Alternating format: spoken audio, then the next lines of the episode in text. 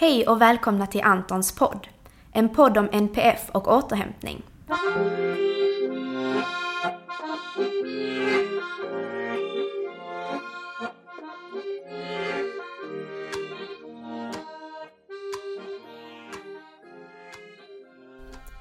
Jag heter Marie och kommer att i dessa poddavsnitt utforska olika aspekter av hur det är att leva med eller tillsammans med någon med NPF, neuropsykiatrisk funktionsnedsättning. Jag heter Josef. För tio år sedan så jobbade jag som pedagog på en särskola och fick en ny elev som hette Anton. Han lärde mig om autism och han lärde mig minst lika mycket om behovet av återhämtning. Jag lärde också känna Antons mamma, Lotta. Att leva med Anton är både fantastiskt och underbart. Men det är också utmanande. För Anton har svår autism och det påverkar hela familjen. Vi är ofta helt slutkörda och har ett stort behov av återhämtning. För att skapa möjligheten att få anpassad återhämtning skapade Lotta, Josef och Antons läkare Helena föreningen Antons hus. Denna podden handlar inte om Anton, men Anton har vi alla gemensamt. Podden är för er alla som också har en Anton.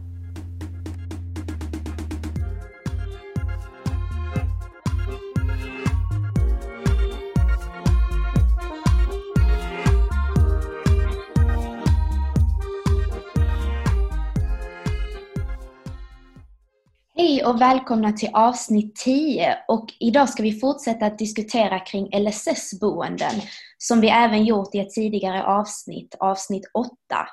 Då reagerade vi tillsammans med Lotta och Autism och Aspergers förbundets ordförande Ulla på Uppdrag granskningsreportage Dicks rop på hjälp som just då handlade mycket om LSS-boende.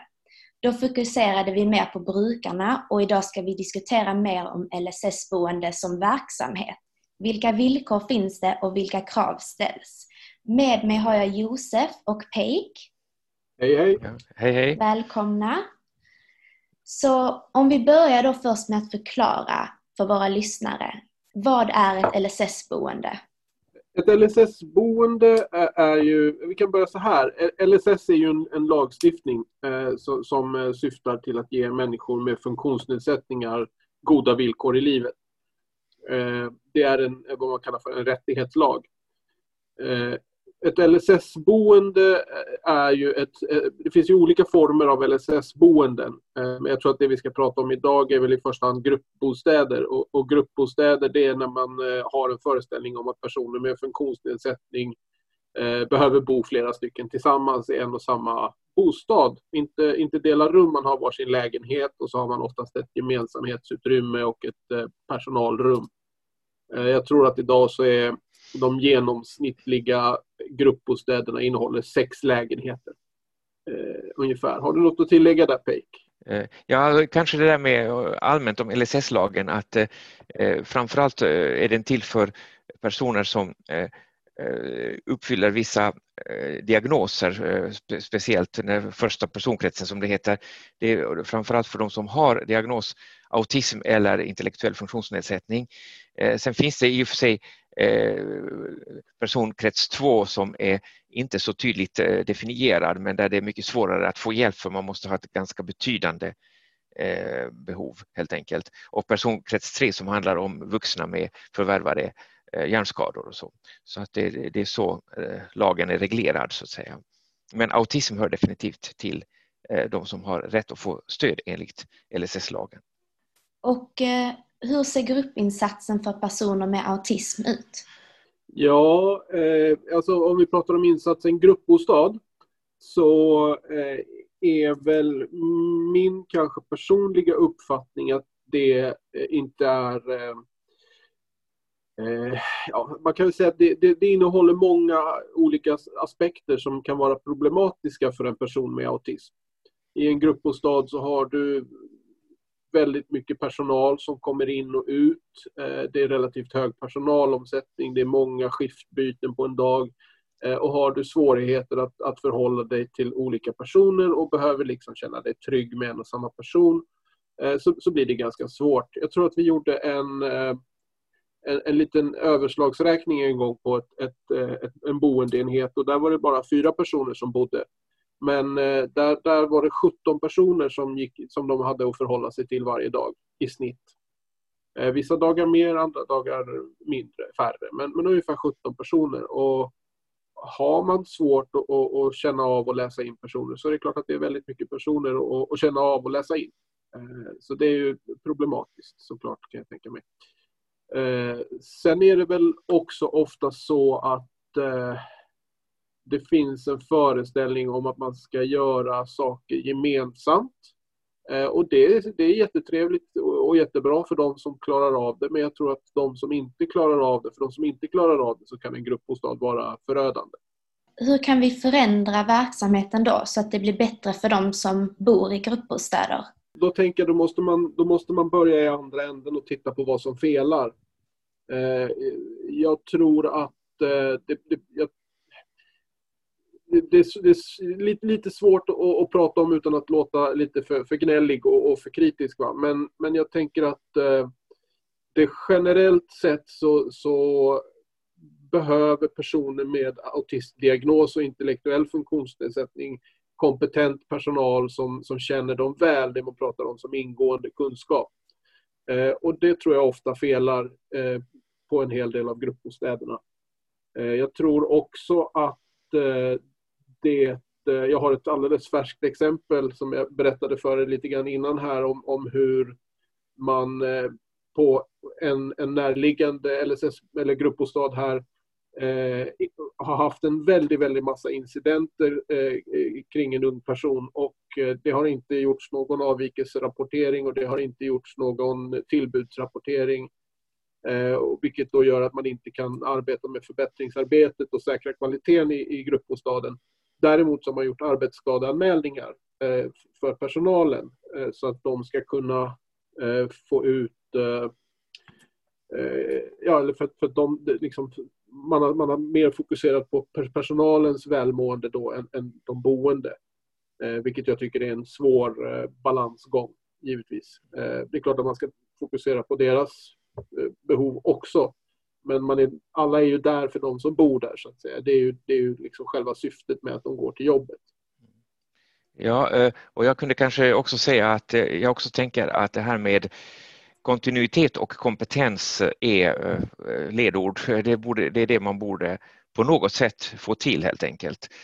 Och det, det blir kanske inte lättare av att, att jag vet att lönenivåerna ofta är låga eh, för de som arbetar och då är det eh, ofta svårt att få tag på personer med eh, hög kompetens för det kopplar ju lite grann faktiskt till lönesättning det här. Och att personer som man kan uppleva som duktiga har en tendens att efter ett tag sluta därför att de får bättre jobb helt enkelt. Min uppfattning är också att det, det läggs väldigt lite resurser på handledning och utbildning av befintlig personal i, i gruppbostäderna runt omkring. Alltså ofta så är det ju det som gör att folk stannar, att de känner att de får det de behöver för att kunna göra ett bra jobb. Och får man inte de verktygen, då går man vidare. Eh, så det, det, tror jag också är en nyckel om vi nu ska prata om vad man skulle kunna göra för förbättringsåtgärder. Eh, att se till så personalen, medarbetarna på gruppbostäderna får kontinuerlig utbildning och handledning. Eh, diagnosspecifik men också gällande allmänt bemötande, olika funktionsrättsfrågor eh, tror jag vore viktigt. Mm. Eh, ja, det är lite konstig balans här för eh, kompetens finns framförallt kanske på de som från början utreder och ställer diagnos men sen de som verkligen ska ta hand om de här personerna över tid får inte den rätta utbildningen och kompetensen och, det kan man ju tycka att det är ganska eh, felaktigt. Jag tror, jag tror också förebyggande arbete. Jag tror att, jag tror att eh, relativt ofta så, så läggs eh, de få medel som läggs på utbildning, de läggs för att släcka bränder. Alltså här har vi en boende som vi inte klarar av. Här är det kaos dag ut och dag in, vilket är ett tecken på att den boende mår väldigt, väldigt dåligt. Eh, och, och, det är klart att man ska lägga resurserna där, men, men mycket av lidandet hos, hos eh, personer med funktionsnedsättning hade kunnat eh, undvikas om man hade lagt utbildnings och handledningsresurserna tidigare och kontinuerligt. Så att de inte behöver må så dåligt och det inte behöver bli kaos dag ut och dag in. Och eh, när sådana här problem väl uppstår i gruppboende, vems ansvar är det att följa upp på dessa Eh, utredningar när folk gör anmälningar och så vidare? Ja, det, det finns ju ett par olika steg i det eh, faktiskt. Det, det, finns ju, eh, det, det, grundläggande steget är ju att med, alltså första steget är ju att medarbetarna måste, måste meddela incidenter och, och, och saker som händer i, i arbetet till arbetsledare och chef och så vidare. Eh, och de har ju ansvar för att utreda och, och, och säkerställa att det inte uppstår igen. Eh, så att säga. Eh, om de misslyckas med det, om de inte utreder, eh, om de inte eh, gör förbättringsåtgärder så, kommer, så, så är nästa steg att anmäla till, institution, eller, till IVO helt enkelt. Och IVO har då det yttersta ansvaret idag för, för att utreda saker som, som sker ute i de här verksamheterna. Okej, okay, och vad är IVO för någonting? Eh, ja, IVO står för Inspektionen för vård och omsorg och de har ju ansvar för att eh, inspektera eh, alla möjliga verksamheter i Sverige som handlar om just vård och omsorg. Och om någonting kanske går fel där och så, så har de en roll att utreda detta och fastställa om, om, om det har gått till på rätt sätt eller någonting har blivit fel och så. Ja, ja Inspektionen för vård och omsorg som sagt. Eh, och, och, där kan ju egentligen vem som helst anmäla någonting som de tycker eh, verkar felaktigt i, i en verksamhet som, som, omfattas av deras ansvarsområde. Eh, det, de har en, det gör man på, på deras hemsida, ivo.se. Sen är det ju så här att IVO har ju också ett ansvar då för att utreda de här sakerna som Peik är inne på. Alltså, sker det, finns det missförhållanden på, på boenden och sådär. Det, det har ni ju pratat om i ett tidigare avsnitt om, om, om Dick och, och, och, och de här hemska situationerna vi hör om. Eh, där eh, de här väldigt röstsvaga personerna som, som vi, vi jobbar med blir eh, utsatta för hemska övergrepp eh, och, och, och, lever i missförhållanden. Och man kan väl säga så här att jag, jag, jag, tror ju inte att IVOs resurser alltid räcker till. Eh, jag har som sagt var ett, ett, relativt färskt exempel där eh, eh, det då gjordes en anmälan till IVO angående en verksamhet och IVOs utredning gick till så att man skickade utredningsansvaret vidare till verksamhetschefen för den verksamheten som då också var den som inte riktigt faktiskt gör, gjorde och gör sitt jobb för att det har inte skett någon vidare förändring där. Så att det är inte alltid som IVO åker ut själva så att säga och utreder sådana här saker som, som skulle behöva utredas utan ibland så lägger de tillbaks det på verksamheten eh, som för mig i alla fall verkar uppenbart att inte ha klarat av att själva ta hand om, om den här utredningen. För det är ju det första steget som jag sa, att det, de själva får utreda eh, när saker går fel och missförhållanden uppstår. Eh, så det, det, det, tycker jag känns lite sorgligt. Jag, jag tror att IVO, precis som så många andra eh, institutioner i det här landet, kanske skulle behöva en liten extra slant för att kunna göra ett eh, bättre jobb.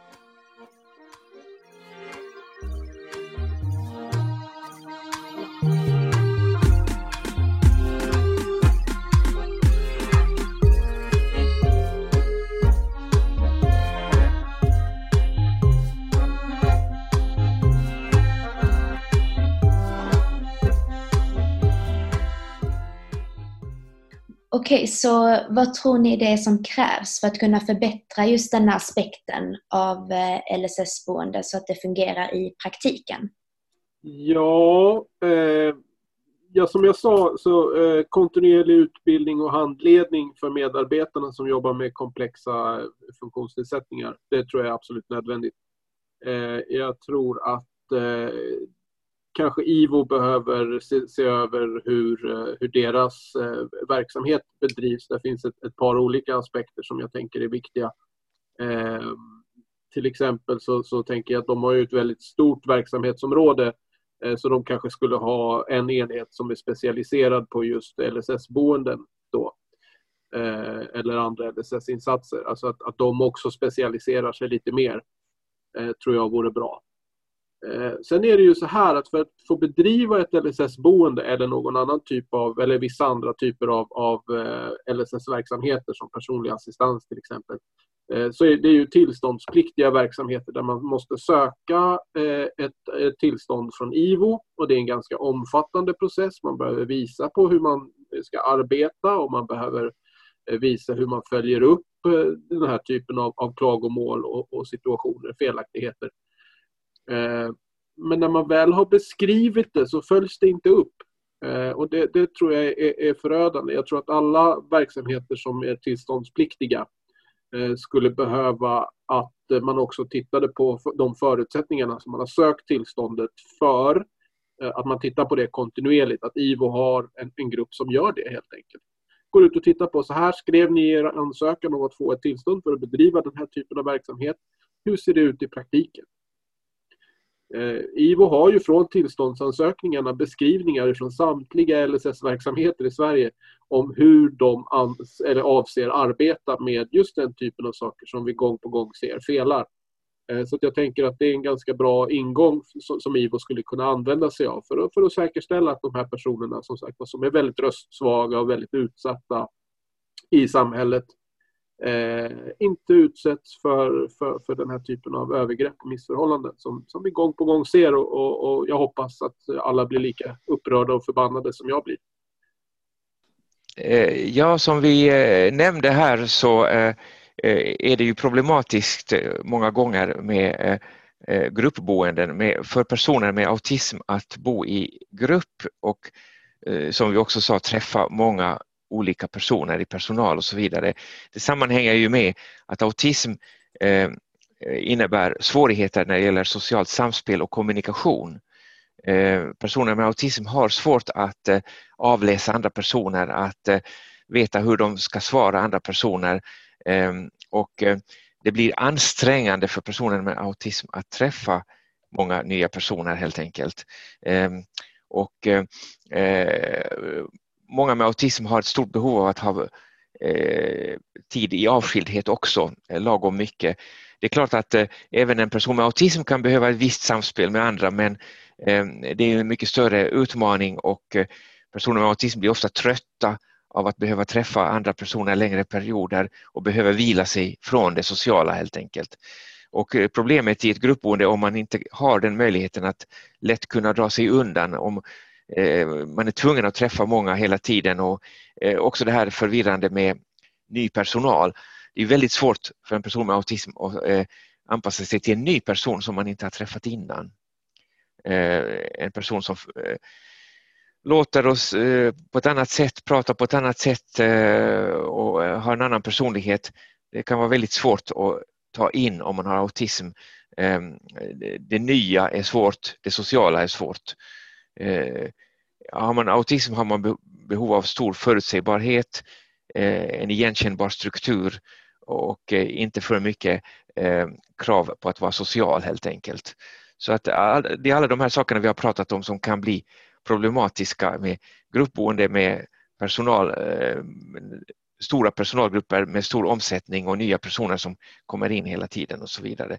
Så det är väldigt viktigt att tänka på detta. Ska vi göra det bättre för personer med autism så bör man eh, hitta former för detta där man avlastar dem från för mycket onödiga sociala kontakter och där de får ha det här förutbestämda att, att det inte händer nya oförutsedda saker hela tiden och så. Och det stora värdet av att den personal de träffar kan mycket om autism och vad det innebär att ha autism. Så man kan få ett bra bemötande. Ehm, man vet om att det här är en individ som har de här sociala kommunikationssvårigheterna och den här tendensen till att gå in i ehm, begränsade repetitiva beteenden som också ingår i autism och kunna hantera det på ett lämpligt sätt. Ehm, till exempel att det kan vara viktigt för en person med autism att också få ägna sig en del åt sånt här begränsat och repetitivt beteende. Man kan inte förhindra det. Då mår de dåligt som har autism. Men samtidigt kan man också se till att det inte blir för mycket av detta, att få skapa en sorts balans i det hela. Så att man inte totalt fastnar i någonting hela tiden. Eh, och det där kan kräva kunskaper för att få den där rätta nivån.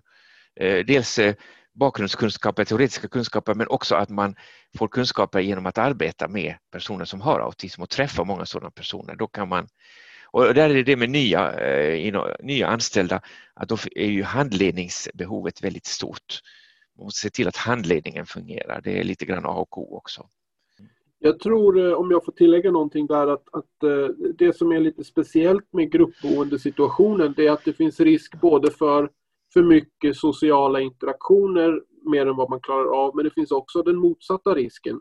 Eh, nämligen att man blir sittande i sin lägenhet och personalen inte tittar till en och personalen inte har någon aning om eh, vad som händer inne i lägenheten. Mm. Eh, så det, det, är liksom en, en, komplex situation på det viset att det finns, mm. det finns risker åt båda hållen på något vis. Jo, ja, jag håller med om det för att eh, det var det jag, jag, sa någonting om balans. Det gäller att skapa den rätta balansen här. Eh, det är ju inte så att en person med autism aldrig ska ha någon social kontakt eller något liknande.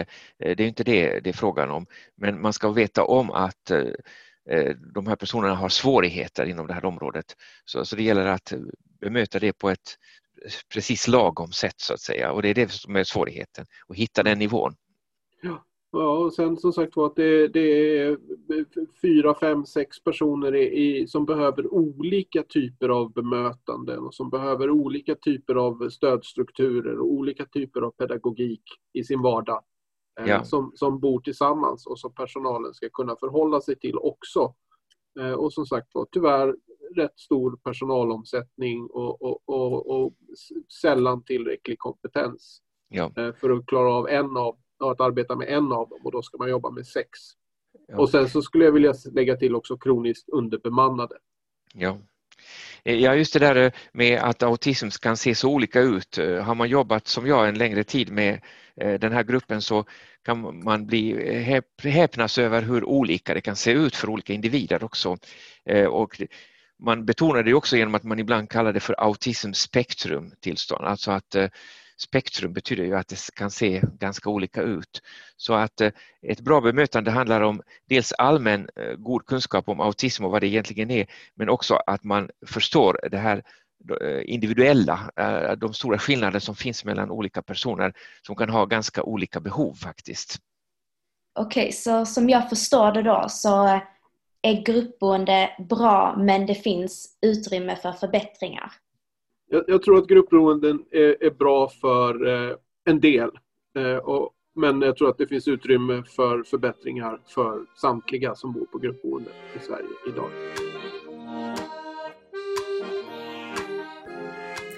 Och med det så tackar vi för oss och tack för att ni har lyssnat.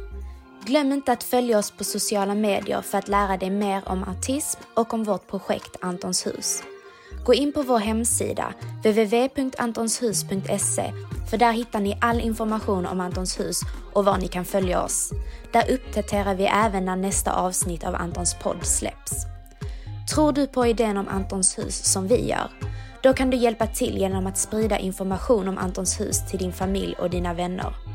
Det viktigaste är att vi når ut till så många som möjligt.